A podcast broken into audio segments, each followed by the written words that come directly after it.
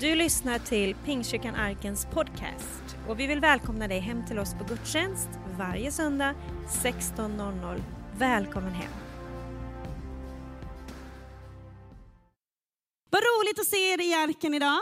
Ehm, det här är det gamla vänner, nya vänner, folk kommer från alla håll och vem du än är så eh, är du så välkommen hit. Vi tror inte att ett enda möte är ett möte bara för att sitta av. För att då skulle jag säga helt ärligt att då har jag andra bättre saker att göra. Utan vi tror att varje gång vi samlas i namnet Jesus, då är han här. Och då har han ett ärende till dig och till mig. Och vi vet att varje gång vi lyfter upp hans namn, som vi gjorde alldeles nyss här, så sker någonting. Mörkret måste ju vika. Oro, om du kommer hit med bekymmer eller oro eller ångest eller fruktan eller olösta problem, så tror vi att det som ingen människa kan göra, det kan Jesus göra. Och han kan göra sånt som kan vara krångligt och svårt enkelt. Och det är inte alltid att det går som vi vill och lika fort som vi vill, men någonting gör han varje gång vi möter honom. Och när vi lovsjunger kära arken så är det ingen stund, och jag säger det med stor ödmjukhet, men det är inte en karaokestund, det är inte allsång på Skansen, det är inte en eh, programpunkt, bara för att vi sjunger några sånger som vi tycker att vi tycker om, eller också tycker vi inte om dem. Det är olika, för det är ju olika för alla. Utan när vi lyfter upp Jesu namn så gör vi det som kristna människor har gjort ända sedan Jesus red in på Jerusalem. När Jesus red in i Jerusalem, så spontant, det var ingen som talade om för människor hur man skulle bete sig när Jesus kom. Spontant så tog människor ner palmblad, man eh, tog vad man hade och man började ropa Hosianna! Och man gjorde det som vi idag kallar palmsöndag. Man förberedde, man visste ju inte om det då. Det var ingen som hade sagt att det här ska ni göra nu för det här kommer vara i kyrkoåret, det här kommer ingå. Utan man gjorde det för att det var en spontan upplevelse av att när Jesus kommer, han är värd att lovas och prisas och äras. Och jag använder hela mitt kroppsspråk, jag använder det jag har för jag vill uttrycka min tacksamhet till Jesus. Och Anders har ett uttryck som han brukar säga ibland och det är att man, man sjunger med tonerna upp till himlen. Och jag gillar det uttrycket. Väldigt bra sagt Anders. Jag vet inte om du kom på det, men någon gång kom du på det. Jag hade någon bra dag. Nej, men man sjunger med tonerna ända upp till himlen. Och man sjunger orden för att man menar det. Och jag ska tala idag lite grann om det här med lovsång, lovprisning, för det har legat nära mitt hjärta i hela mitt vuxna liv. Och jag ska börja med en story först.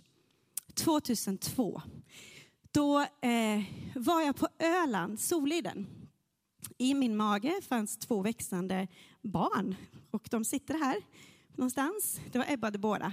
Och de låg i min mage. Jag var gravid och vi var på Soliden för att vi hade semester och vi skulle fira. Just den här dagen så fyllde kronprinsessa Victoria 25 år. 25 år, kan det stämma? Ja, hon gjorde det faktiskt. Ja, hon är så pass gammal nu, det stämmer. Så hon var 25 år gammal och vi stod där och eh, jag var med en vän som är riktig royalist och jag tycker ju det är kul att titta på, de är ju fina liksom, men jag var inte lika på som hon. Hon var så här super på. Och skulle man möta kungafamiljen på Soliden och få en bra plats, är det någon som har varit där när, när kronprinsessan fyller år? Ni vet när hon 14 juli. Ja, ni vågar inte erkänna att ni är royalister, men är det ingen? Ja, ni vet, hon fyller år, Sara, men hon fyller år. Tusentals människor kommer till Soliden för att kungafamiljen kommer ut och gör sina vinkningar på trappan. Och eh, vi hade precis släppt en lovsångsskiva i Hör. Den heter Tro, det var Charisma Music. Jag hade, och jag hade tänkt, så jag hade sagt till Anders, jag ska slå in en skiva till Victoria. Eh, för att jag kanske får möjlighet att ge den, tänkte jag. Haha, det tänkte man ju att det är ju helt omöjligt. Men jag gjorde det. Jag slog in en skiva, jag skrev eh, grattis kronprinsessan Victoria på din födelsedag. Och eh, slog in den och stod där med ett lilla paket. Och en del hade åkt i timmar innan för att kunna stå långt fram vid det här blågula bandet för att få en skymt av kronprinsessan. Men jag var höggravid, precis som jag sa, för att komma tillbaka till det. Jag hade en jättemage. Jag väntade ju tvillingar. Jag hade 17 kilo rätt ut här på den här kroppen. Ingen som tror det, men det var så. De var väl inte riktigt så stora då, för det här var på sommaren. Men jag orkade inte stå i den här kön, för att jag tänkte att det här eh, kan ju inte jag när jag är så gravid. Men eh, jag gick dit och på grund av att jag väckte lite uppmärksamhet med min jättemage så kom eh, journalister fram och började intervjua mig och frågade liksom, jaha, vad ska du ge? Och, och jag fick med, jag heter Camilla Olsson, jag är pastor. Och jag fick liksom klämma in det lite grann där. Jag släppte en lovsångsskiva, råkade jag också säga. Och jag ska ge den till Victoria. Och runt mig blev det lite uppståndelse på grund av det här. Så helt plötsligt står jag framme vid det här bandet. Och ja, det här är alltså true story, inga evangelistöverdrifter, utan det var så. Och där står jag och helt plötsligt, precis så nära som ni är, så kommer hela kungafamiljen ut på rad. Och först kommer kungen, kung Carl Gustaf, och han kommer fram och hälsar på mig och pratar och säger hej, ja, vem är du? Jag heter Camilla. Och vi fick en fantastisk pratstund, jag och kung Carl Gustaf, där han frågar, jaha, är du här? Och ja, jag är här, vi är på Öland och jag är pastor. Och, du vet, så här. och jag vet ju att alla hans barnflickor har varit pingstvänner. Så jag fick ju möjlighet att prata med honom. Vi hann ju lära känna varandra där. Vi stod och pratade en stund. Det här är faktiskt sant. Ni tror att jag skojar, men det är sant. Jag har bildbevis hemma i, min allmänna, i mina album som man hade på den tiden. Och rätt vad det är så kommer kronprinsessan Victoria all sin skönhet och höghet. Och Carl Gustaf säger så här, kungen då, det här är Camilla Olsson. Hon har spelat in en skiva som hon ska ge till dig. Hon är pingstpastor. Så jag bara, ja det stämmer. Tack för den presentationen. Och jag hamnar mitt framför hela kungafamiljen och hälsar på dem allihopa. Jag fick bilder på dem när de stod med min skiva i handen.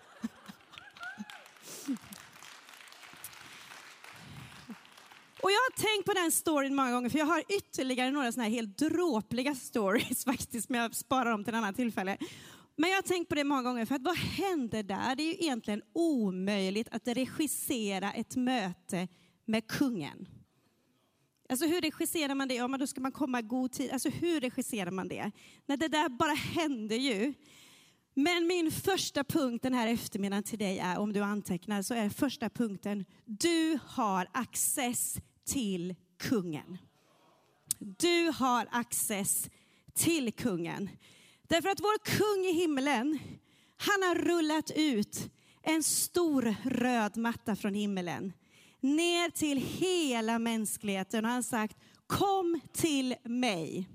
Han har gett fritt tillfälle, följ med till Hebreerbrevet kapitel 4. När vi nu har en stor överstepräst som har stigit upp genom himlarna, Jesus, Guds son, Låt oss då hålla fast vid vår bekännelse. Vi har inte en överstepräst som inte kan ha medlidande med våra svagheter, utan en som har varit frestad i allt, liksom vi, fast utan synd. Låt oss därför frimodigt gå fram till nådens tron för att få barmhärtighet och finna nåd till hjälp i rätt tid. Vi har inte en överstepräst. I Gamla Testamentet så var det så här, endast möjlighet att komma inför Gud, in i templet och inför det allra heligaste. Det var att man skulle komma innanför ett enormt stort rött skynke som kallades för förlåt. Det var ungefär en decimeter kraftigt, det var långt, många meter högt. Det skilde människan, alla människor, från Gud. Där inne var det allra heligaste. När Jesus, för att komma in där, så fick en överste präst en gång om året rena sig, totalt göra sig själv ren, på olika sätt helga sig för att kunna komma in med allt folkets synder inför nådens tron. När Jesus säger här, vad händer när Jesus ger, andan, när Jesus ger upp andan på korset? Ja, om du har läst din bibel eller du har hört om predikan om vad som hände på påsken så vet vi att när Jesus ger upp andan, han säger det är fullbordat på korset. Vad händer med förlåten? Jo, templet skakar och förlåten brister uppifrån och ända ner och rivs i tur. Och bakom så är nådens tron. Och det är ett enda stort bevis på att från och med den stunden, för över 2000 år sedan, finns det inte längre någonting som kan skilja en enda människa, oavsett vad man har gjort, oavsett vilken synd man har begått, vilka fula tankar man har tänkt, oavsett hur misslyckad man känner så finns det ingenting som kan skilja dig från Jesus själv. Det tycker jag är värt ett amen eller någonting. Eller en applåd kanske. Så när Jesus säger att han är vår överste präst så är det inte bara något, vi kan ju tycka vadå överstepräst, det säger ju inte oss någonting. Men när han säger att det finns ingen frestelse som inte han kan känna, så menar han det.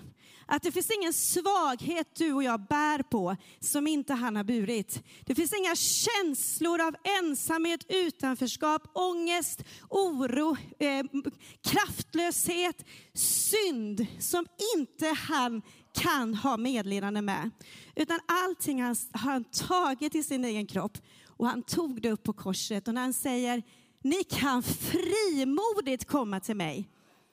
Så är det ingen litet ord han säger, utan det är en stark proklamation att vem du än är min vän, så kan du komma inför honom. Du har fått access till kungen. Och det är därför när jag kommer in i lovsången, det är därför när jag kommer in här och jag känner att lovsångsteamet börjar sjunga, oavsett vilken sång de sjunger, om de sjunger min favoritlåt eller en låt som jag inte tycker om eller vad den är. När jag får möjlighet att ära honom, när jag får möjlighet att uttrycka min tacksamhet inför honom, då gör jag det. Med glädje för att jag vet att det är access till, inte ett lovsångsteam här framme, inte en kyrka, inte en ledare, det är inte en ledare vi kommer inför. Det är inget mänskligt, det är inte en byggnad, det är inte en kyrkas namn, det är inte en kultur, det är inte en tradition, hallå? Utan vi kommer inför den levande Jesus när vi upphöjer honom. Och han är alltid värd att lovas. Han är alltid värd att prisas. För han bor i dig och mig. Och Bibeln säger så här i psalm 100, och jag ska läsa en översättning på engelska som heter The Message, och sen ska jag läsa den på svenska. Och då står det så här, Enter with a password, thank you. Enter, alltså vad är det, vad enter, vad är det en entré? Jo, vi kommer in för Gud, enter med ett lösenord, det finns ett lösenord. Jag menar, vi vet själva om vi är föräldrar att om vi alltid bara hör våra barn komma med önskemål på olika saker så stänger vi föräldrar till slut av, eller hur? Om vi alltid får höra, kan jag få det eller kan jag få det eller så. Men när våra barn ger, säger någonting, mamma vad fin du är idag, eller man får någon form av uppmuntran så känner man absolut. Och kan du göra det där? Absolut. Och ibland tror jag att Gud han hör så ofta våra böner Eh, våra böneämnen, eller hur? Allt det vi saknar, allt vi längtar efter. Men jag tror att det finns en sån kraft i när hans folk, och vi är ju hans folk och vi vet ju vad vi har i frälsningen, när vi lär oss att säga tack Jesus. Så, och även i svenska så står det så här då, gå in i hans portar med tacksägelse, in i hans gårdar med lovsång. Tacka honom, lova hans pram. Eh, punkt nummer två. Är ni med? Ger det här någonting? Vår position i lovprisningen är seger. Vår position. Det är ju så att när vi kommer inför Gud och börjar lovprisa honom. Vad är lovprisning? Men det är inte så här, åh du, Gud, du, du kanske hör min bön eventuellt, om du, så här. Utan positionen vi står inför, alltså själva ansatsen som vi har när vi kommer inför Jesus och lovprisar, det är ju att vi vet facit. Vi har ju facit. Att Jesus vann över döden, han vann över allting. Att han sitter på tronen. Vi vet att vi, varenda en av oss som vi har sagt ja till Jesus, vi är på väg till himlen. Vi vet att vi har en Gud som alltid är med oss. Vi vet att det är en Gud som har triumferat mörkrets makter, allt som kan komma emot oss. Vi har ju redan segern på vår sida. Och vad betyder lovprisning? Vad betyder ordet halleluja? Ja, man kan säga ja, det betyder lova Herren, men ska jag berätta lite för er? För jag har läst lite hebreiska. Och då är det så här att ordet halleluja, det är ett, det är ett, ord som, ett hebreiskt ord som säger så här, att ljudligt och med hög röst skrytsamt lovprisa och välsigna Herren med stor frimodighet och det är en passionerad explosion av entusiasm. Alltså det är inte jag som har kommit på det här. Ni som irriterar er på att jag hoppar och dansar och jublar här framme. Till Bibeln, jag läser bara Bibeln, hebreiska dessutom. Att halal eller halleluja, det betyder just det. Och ibland har jag varit lite förvånad. Jag har varit på hockeymatcher med en del folk från kyrkan, inte den här kyrkan givetvis, men andra någonstans. Och jag kan bli så här, de mest timida människor eh, i kyrkan, liksom, oh, du vet så här.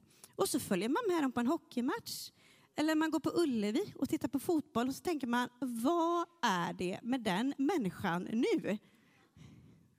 Och där är det helt naturligt bara, wow, för en liten puck eller en liten boll. Och det är ingen som tycker det är konstigt, men väldigt vad han är glad för, för den här pucken. Och det tycker alla är helt normalt. Men vi kommer in i kyrkan ibland och så säger någon entusiastisk lovsångsledare, ska vi, ska vi lovprisa Jesus tillsammans? Och så bara, ja, jag vet inte om jag orkar. Hallå! Vad är det för fel på oss? Och jag säger lika mycket till mig själv. Men om vi ska vara bibliska, vad lovprisningen är, jag tror att de flesta vill det om man tillhör kyrkan här, så är det så att lovprisningen är utifrån en position av seger. Att vi vet ju för allt i världen redan att det som hände för 2000 år sedan är så att, att han, hjälte som kan frälsa, han har flyttat in i dig. Han bor i dig. Och oavsett om du är känslomänniska eller inte, för det är inte det det handlar om överhuvudtaget, men någonting i oss när vi lovprisar Jesus borde slå an en ton av tack Jesus för att du har frälst mig. Tack att jag får tillhöra dig. Tack att jag får vara på väg till himlen och att det finns en tacksamhet i lovprisningen. Andra Korinthierbrevet säger så här, men vi tackar Gud som ständigt för oss fram i Kristi segertåg och sprider sin kunskapsdoft genom oss överallt. Vi är en Kristi väldoftning för Gud, för de som blir frälsta och bland dem som går förlorade. Bibeln talar också om att vi går i hans triumftåg. Vad är en triumf? Jo, om ni har varit nere i Europa och åkt igenom olika triumfbågar, vad är en triumf? När ett land intog ett annat land så gjorde man, hade man segerbyte, man kanske tog, det var liksom, det är inte så trevliga saker att prata om i kyrkan, krig och så, men då, då tog man ju de fångar man hade och man satte dem på en, på en vagn. Man tog, det kunde vara liksom guld och olika saker, men det kunde också vara fångar. Och man satte dem på en vagn, det var väl häst och vagn ofta, och så red man in i en stad och så vrålade alla wow, i, i seger, alltså de som hade vunnit då. Och där satt de som inte hade vunnit och fick ta emot förakt. Och Bibeln, så när Bibeln pratar om att vi är hans triumftåg, för vi har vunnit seger, så de som sitter på vagnen, och det är ju sjukdom, missmod, dåligt självförtroende, död, allt det som du kan tänka det är det som sitter och tar emot föraktet. Så när du och jag, och jag hoppas att du får fatt i det här idag, när du förstår att lovprisning handlar inte om att göra en pastor glad, eller det handlar inte om ett uttryckssätt för att det ska vara en, bli en häftig församling med lite liv i. Nu är jag provocerande här, jag, vi får gå på själavård hos Anders sen. Men utan om vi förstår att lovprisning handlar om att vi som kristna, om du har tagit emot honom, förstår vem du har kontakt med och vem som bor på insidan av dig. Och när den lovprisningstonen kommer ut ur dig, då bryts bojor, då bryts kedjor och då blir det som när Paulus och Silas satt fängslade för många år sedan nere i en fängelsehåla och de lovprisade Gud trots sina omständigheter. Och fångarna satt runt omkring och hörde och fick bevittna ett man, fantastiskt mirakel som är en uppmuntran för dig och jag, dig och mig många, många år senare. Bojor bröts, fängelses öppnades därför att de blev fria. Är det helt rätt? Vad bra, jag har en gammal trogen pingstpastor på första raden, David. Och när han säger att det är helt rätt, då känner jag mig trygg. jag, går, jag går faktiskt direkt på punkt tre. Jag har ännu mer att säga här i, men jag får ta det en annan gång. Varför man klappar i händerna. Varför man jublar. Det, allt det är hebreiska uttryck för lovprisning. När vi klappar i händerna, och nu måste jag bara dricka, vänta. När vi klappar händerna så är det ett uttryck för att vi hyllar kungen. Det är ett hebreiskt uttryck som finns för det. När vi jublar, då är det ett ord som heter shabach. Det betyder att vi ropar i triumf. Att jubla i lovsånger bara woho, som vi gör ibland. Det är inte heller någonting häftigt, bara för det är ju lite häftigt i och för sig, det blir lite roligare. Men det är ett uttryck på lovprisning därför att vi vet vem vi lovprisar. Min tredje punkt här, våra lyfta händer visar på vårt underordnande till kungen. Det finns ett hebreiskt uttryck som heter jada. Och det betyder lyfta händer. Det är ett uttryck för att vi tar emot Guds nåd i våra liv. Det är ett bevis på underordnande. Bibeln säger så här i första Timoteusbrevet 2.8. Jag vill att männen på varje plats ska be med heliga lyfta händer utan vrede och diskuterande. Det är ganska så här rätt på sak. Bibeln säger också så här, psalm 63. Gud, du min Gud, tidigt söker jag dig. Min själ törstar efter dig. Min kropp längtar efter dig i ett torrt och törstigt land utan vatten. Så söker jag dig i helgedomen för att se din makt och härlighet. Din nåd är bättre än liv. Därför ska mina läppar prisa dig. Jag vill lova dig så länge jag lever. I ditt namn ska jag lyfta mina händer. Att lyfta våra händer, det är en liten känsla av att man vill ge upp. Liksom. Alltså ett barn som, ett litet barn som vill upp till sina föräldrars famn eh, kommer ju liksom ofta säga, ja mamma, eller hur? Man gör ju det, det är något som naturligt. Att lyfta sina händer, det betyder på något sätt, jag behöver dig. Jag behöver din närvaro, jag behöver din trygghet, jag behöver ditt stöd, jag behöver dig. När vi lyfter våra händer inför vår kung så gör vi det som ett uttryck för att vi törstar efter dig. Vi längtar efter dig. Vi behöver dig. Vi är som ett törstigt land. Jag, är, jag törstar utan dig. När jag kommer inför Gud, när jag kommer till kyrkan, när jag är hemma, känner jag bara jag längtar efter dig.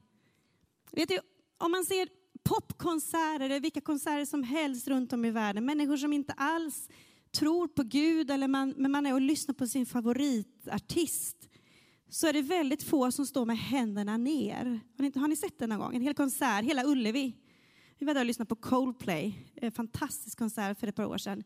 Det är ju inte så att en hel publik står så här. Eller hur? Utan man lyfter sina händer. Eller man gör så här eller någonting. Bara, oh, så. Eller så. Eller en fotbollsspelare gör en segergest när han har gjort ett mål. Eller man springer över mållinjen och så bara yes! Eller hur? Det är ett uttryck för seger, men det är också ett uttryck för att vi behöver dig. Jag törstar efter dig, jag längtar efter dig. Jag går under utan dig, Gud, jag behöver dig.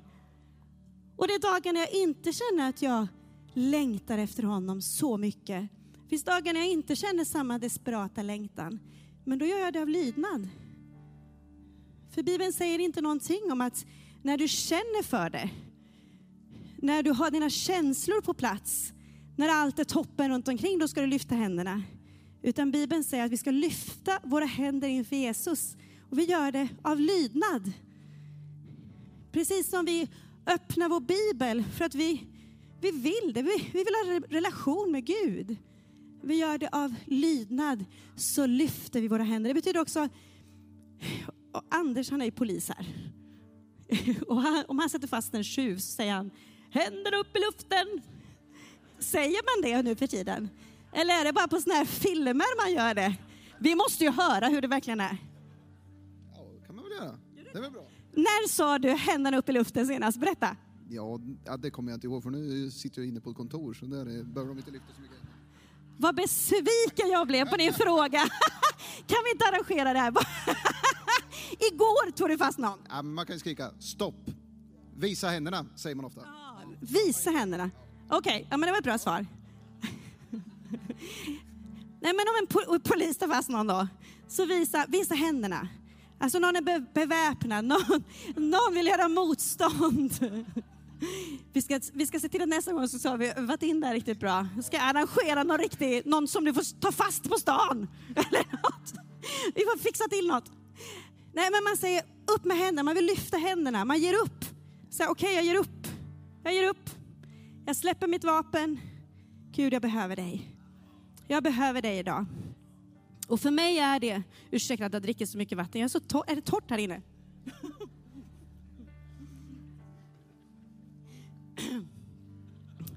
Det var ingen, alltså det var ingen, det var ingen pik, jag bara skojar. det var torrt här inne. Nej, men varje gång som jag lyfter händerna så gör jag det för att Jesus, jag behöver dig. Jag längtar efter dig.